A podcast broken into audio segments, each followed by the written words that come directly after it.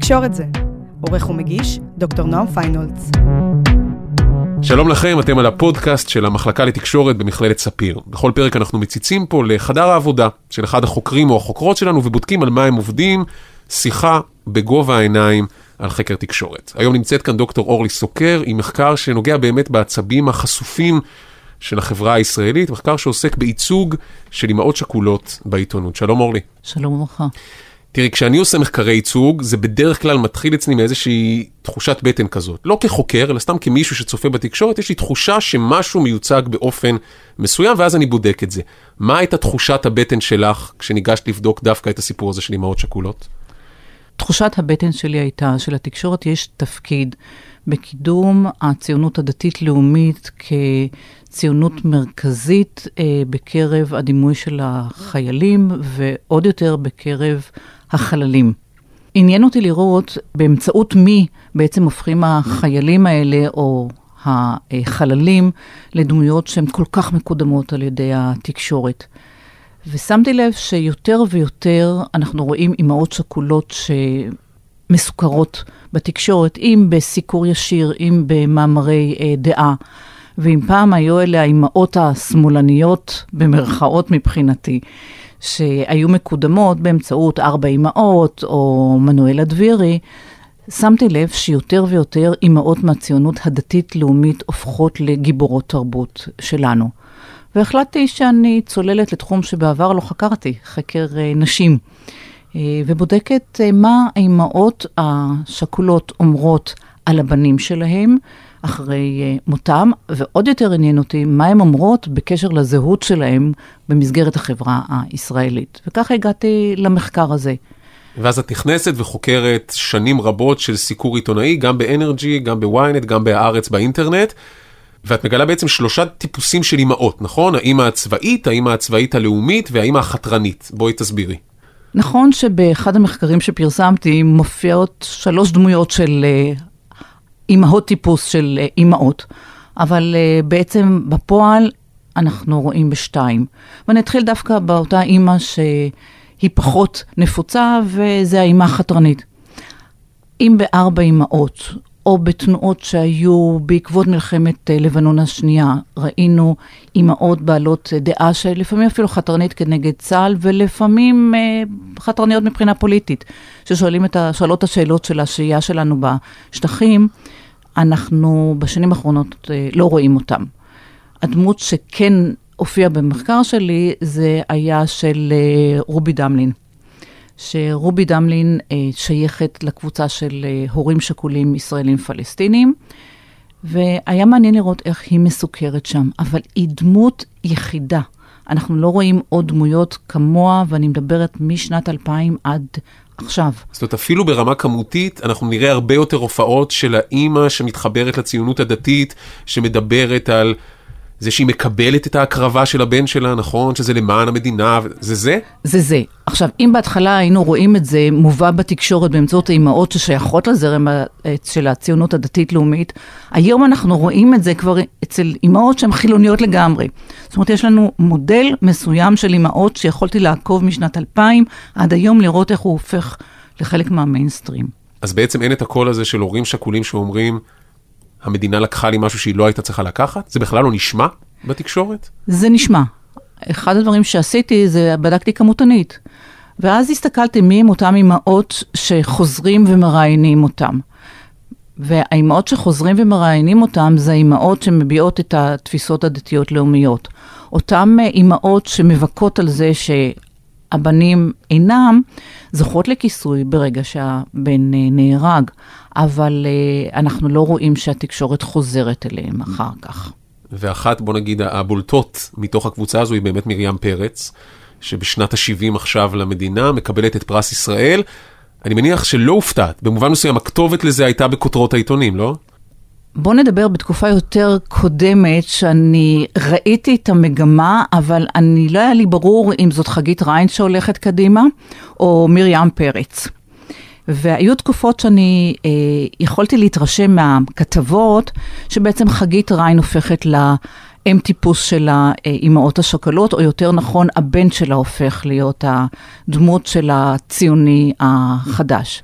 את מדברת על חגית ריין, ובאמת באחד המאמרים שלך יש ציטוט שלה, שאותי, גם כחוקר תקשורת, אבל בעיקר כאבא, הימם. בואי, הוא ממש כאן מול העיניים שלך, מה, מה היא אומרת? זה באמת משפט לא נתפס. אני חייבת להגיד, לפני שאני מצטטת את מה שהיא אמרה, שלחגית ריין היו גם הרבה אה, טורי דעה שלה, ולא תמיד הביאו אותה באמצעות העיתונאי שמתווך את הדברים ש, שלה.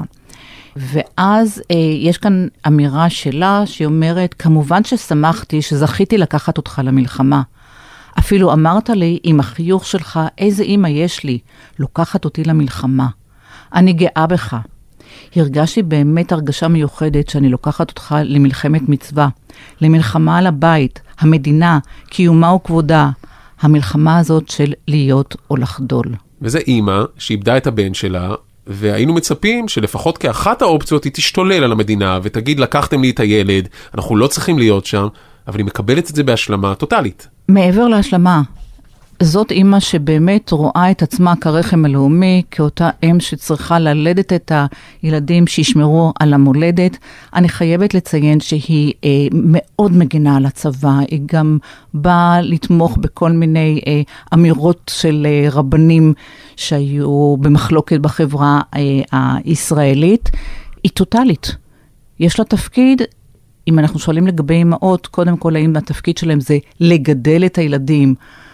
או האימהות הלאומיות להביא את החיילים, אני חושבת שברור לה שאין בכלל אה, ניגוד בין שני התפקידים האלה והם הולכים יחד. אבל את כאמור, אורלי, לא חוקרת אימהות, את חוקרת תקשורת. זאת אומרת, התקשורת בונה אותה כדמות, בונה את מרים פרץ. בוא נשמע רגע קטע מהנאום של מרים פרץ כשהיא זכתה בפרס ישראל, אוקיי? נדמה לי שזה ציטוט, נכון שהמחקרים שלך עוסקים בתקופה קודמת, אבל, אבל במובן מסוים יש פה איזשהו המשך, נדמה לי, של אותו קו. זה היה נאום מצמרר, שדובר עליו הרבה, ושוקלים להכניס אותו עכשיו למערכת החינוך, אבל הנה קטע קצר, ככה זה נשמע על הבמה בטקס קבלת פרסי ישראל. יש לי לב אחד שנשבר שלוש פעמים בהודעות שבר נוראיות. נפילת בני בכורי אוריאל בקרב בלבנון, פטירת אישי אליעזר משברון לב, ונפילת בני השני אלירז בקרב בעזה. עם הלב הזה יצאתי אל עמי, ובמילים פשוטות, בשפת הלב השבור, דיברתי על הארץ הזאת ומורשתה, על הבחירה בטוב, על השמחה, על הדבקות בחיים, על אחריות, על מעורבות חברתית. ומתוך הלב הזה, שפועמת בו אמונה, בארץ הזאת ובעם הזה, מתוך תהומות הכאב, נבעו מעיינות של אהבה. מה זה עושה לך כשאת שומעת את זה? אני מלווה את הדברים שמרים פרץ אה, אומרת אה, מהכתבות שיצאו יום, ביום שהבן השני שלה נהרג. אז היא לא אמרה דברים כאלה. כשיצאתי למחקר חשבתי שחגית ריין והיא זה אותו דבר, ולאט לאט אה, נשבתי בקסמה. כי מרים פרץ בתחילת דרכה בתקשורת, ואני בכוונה אומרת תחילת דרכה בתקשורת, הייתה אותה אם אמביוולנטית, שמצד אחד היא מאוד כיבדה את הרצון של הבנים שלה להיות חיילים, והם היו אלה שהרגישו מאוד מחויבים לארץ. מצד שני, היא דיברה כאם שנהרגו לה שני ילדים, כאם אה, כואבת, ושהיא ניסתה להתחבר אליהם. מה שקרה במהלך השנים, ועכשיו אני עובדת על מחקר נוסף בנושא הזה, אה, הממסד חיבק אותה והתקשורת חיבקה אותה. ולאט לאט אנחנו מוצאים איזושהי רטוריקה אה, שונה, שכנראה היא מעורבת בין אותם דברים שהיא עושה כאימא שמנסה להתמודד עם המוות של הבנים ורוצה שזה יהיה לסיבה מסוימת, ואז היא רוצה שיהיו חיים ולתרום לחברה. אבל זה כבר דמות משופשפת, תקשורתית, שאני מרגישה לא נוחה איתה.